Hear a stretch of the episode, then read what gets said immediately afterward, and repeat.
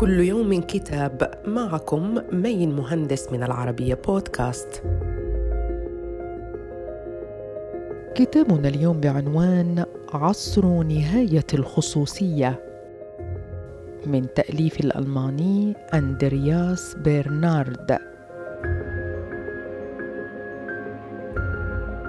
يستقصي فيه الكاتب جذور تحولات الثقافة الرقمية وانكشاف الذات في علم الجريمة والأدب والفن كما يسعى إلى تأصيل التاريخ المعرفي للثقافة الرقمية الواسعة النطاق التي تكونت منذ خريف 2006 وحتى الآن.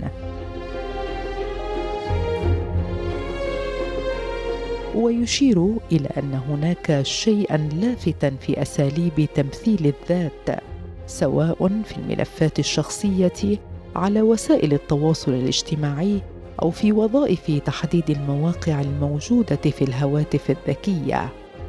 صدر الكتاب عن دار صفصفة بالقاهرة وإلى اللقاء مع كتاب جديد.